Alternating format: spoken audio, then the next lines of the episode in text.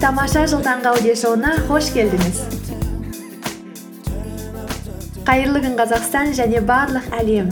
Бұл күн шуағымен жарыса оянып күнін жаңа идеямен қуанышпен бастағысы келетіндердің аудиоблогы. Бақытты болу ол біздің таңдауымыз. Сәлеметсіздер ма? Қалдарыңыз қалай? Біз өткен подкастымызда мақсаттар қою жалған үміт синдромы және мәдениетті прокрастинация туралы сөйлескен болатынбыз. Сонымен оның қорытындысы бойынша біз өзімізге үлкен биік істей алмайтын мақсаттар қойғанымыздан гөрі ұсақ бөлшектерге бөлінген күнделікті өмірімізде қазір ақ істей алатын жоспарлар қоюдан бастау туралы айтқан болатынбыз.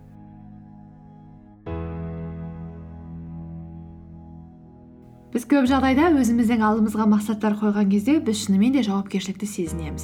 Бізге қаншалықты маңызды екенін білеміз. Себебі біз өзгергіміз келеді өзіміздің жақсы нұсқамызды жасағымыз келеді. Алайда жеңіліп жатамыз сонда да. Ол біздің әлсіз болғанымыздан немесе дұрыс жоспар жасамағанымыздан ғана болмауы мүмкін. Егер тереңірек қазсақ ол сұрақтың жауабы біздің миымыздан ойымыздан ішкі жан дүниемізден және психологиямызды зерттеуден басталуы керек шығар. Мені тағдыр деген дүлей сынға алса да тұла бойды суығы тоңдырып қырсық шалса да біз өзімізді не ынталандыратынын білмеуіміз мүмкін.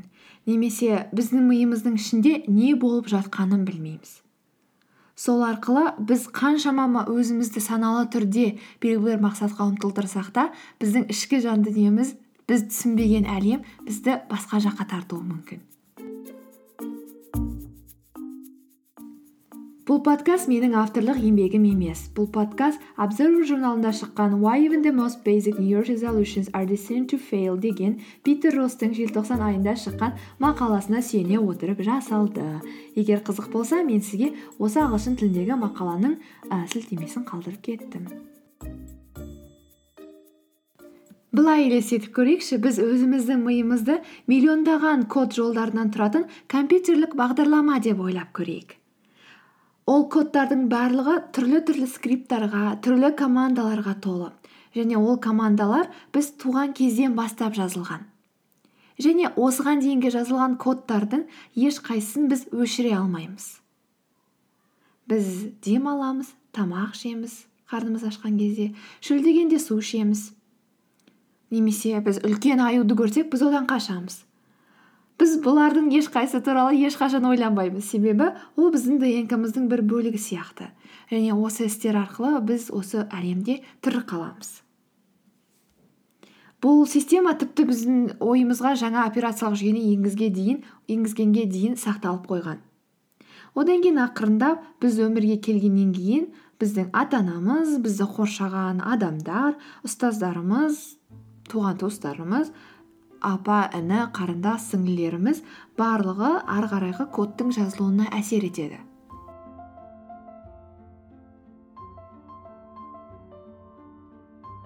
Сөйтіп біз туылғаннан кейін ақырындап біз өзіміздің миымыздағы ақпараттық жүйемізді дамыта бастаймыз.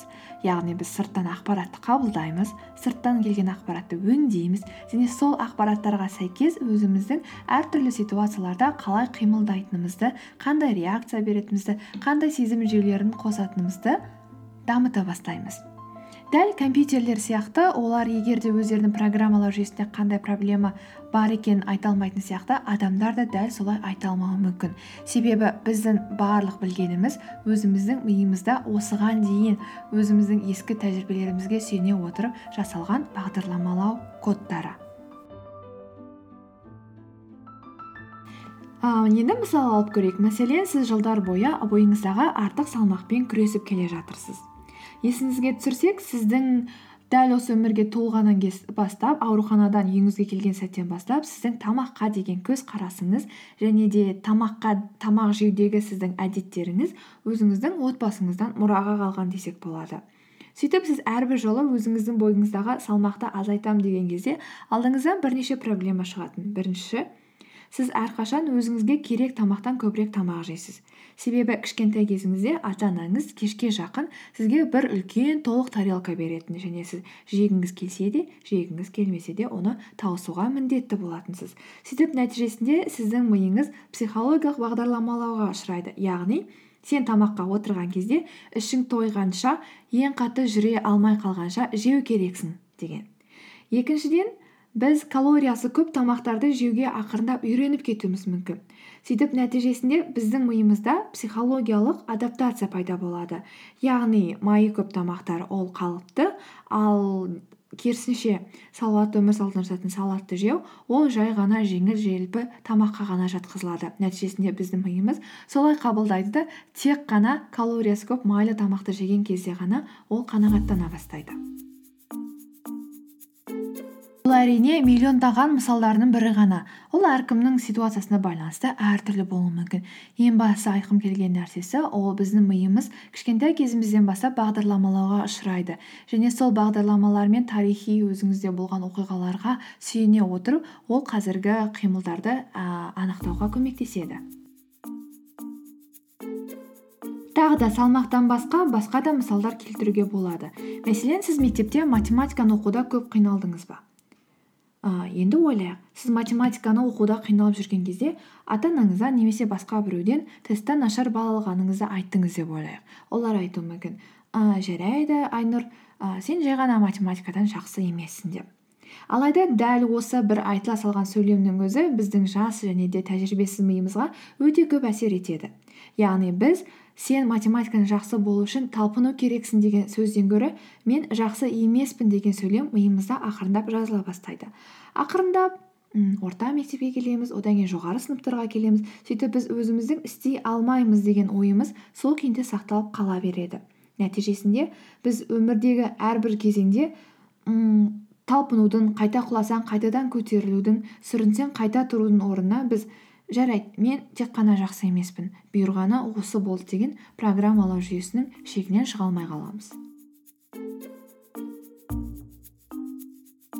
Біздің бұл бағдарламау жүйемізге яғни скриптімізға өмірімізде болған тіпті көрінбеген кішкентай оқиғалардың өзі әсер етуі мүмкін. Оған мысалға біздің тұратын жеріміз сол елдегі саяси жағдай конфликтілер қарым қатынасымыз үйрену жолдарымыз жұмыс сабақ дүкенге барғанымыз кез келген нәрсе белгілі бір дәрежеде өзіміз ойламасақ та санасыз түрде бізге енуі мүмкін.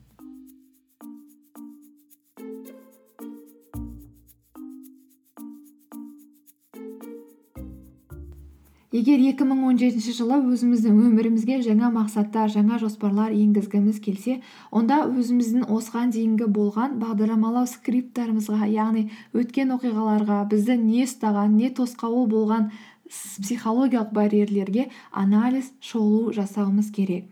Тіпті қазірдің өзінде бізді қоршап тұрған достарымыз немесе отбасыларымыз біздің скриптімізді әлі де жазуға көмектесіп жатыр. Сондықтан егер де шынайы өзгеріс жасағымыз келсе онда бізді қоршайтын әлемді де соған ыңғайландыратындай етіп жасауымыз керек.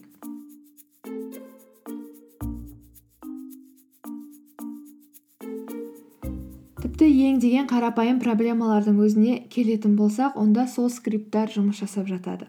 Мәселен сіз өзіңіздің шаршап әлсіз екеніңізді сезінген тұста болды жоспардың бәрін істемеймін шаршадым деген кезде мен шаршамаймын мен алға қарай жүремін мен өз мақсатымнан бас тартпаймын деген сөздің өзі белгілі бір дәрежеде біздің психологиялық бағдарламалауымызды қайтадан жазуға көмектеседі. Әрине жиырма отыз қырық жылдар бойы жазылған психологиялық бағдарламаларды бір күнде жойып тастау оңай емес. Және ол бір күннің шаруасы да емес. Бірақ біз ақырындап баяулап өзіміздің белгілі бір ситуацияға деген ойымызды өзіміз қалағанша өзгерте аламыз. Әсіресе біз өзіміздің мен деп басталатын сөйлемдерді қалай аяқтайтынымызға өте көп мән беруіміз керек. Себебі біз осы кезде біз миымыздағы скриптті жазамыз. Мәселен мен ыыы негізінде ең ақылды деген адам емеспін деп айту ол бір жағынан дұрыс емес. Яғни мен істей алмаймын менің қолымнан келмейді менікі мүмкін емес деу арқылы біз өзіміздің миымызда санасыз түрде барьерлар блоктар қоя бастаймыз. Сондықтан өзімізді артқа тартатын бізді ойымызды мүмкін емес деп ойлаттырмайтын проблемаларды мәселелерді анықтап және ол психологиялық проблемалардың неде болғандығын көре отырып соны жоғалту үшін арнайы план жасау арқылы біз өзіміздің қазіргі мақсаттарымызды орындауды одан сайын мүмкін ете түсеміз. Себебі өзіміздің ішкі барьерлерімізді жойып өзімізге кесірін тигізетін нәрселерді алып тастамай тұрып біз екі фронтта күресетін боламыз. Бір жағынан мақсатымызды орындағымыз келеді екінші жағынан біздің жылдар бойы жазылып қойған бағдарламамыз оны мүмкін етпейді нәтижесінде ешқайда да қол жеткізбейміз. Сондықтан өзімізге үңіле отырып өзіміз сенбейтін стереотиптерді ала отырып өзіміздің айналамыздағы сол стереотиптерді жасайтын оқиғалар мен адамдарға мән бере отырып өз өмірімізге анализ жасап тамаша өмір сүруге тырысайық. Сіздермен бірге болған талшын тамаша жыл подкастынан мені тыңдағандарыңызға көп көп рахмет. Тағы да бір айта кетейін бұл подкаст менің жеке ғана ойым емес. Ыыы бұл observer журналында шыққан питер ростың why even the most basic new year's resolutions are destined to fail? Яғни жаңа жылда қойылған ең қарапайым жоспарлардың өзі неге ә, сәтсіз болады деген мақаласына сүйене отырып жасалды. Егер де сіздерге қызықты болса мен ағылшын тіліндегі осы мақала нұсқасын қалдырып кетемін. Өзімнің талшын нүкте ком сайтында сондықтан оны да оқып көріңіз. Келесі кездескенше егер де осы тақырыпқа байланысты қызықты ойларыңыз болса маған міндетті түрде жазыңыздар мен үшін ол өте қызықты және бірге дамиық.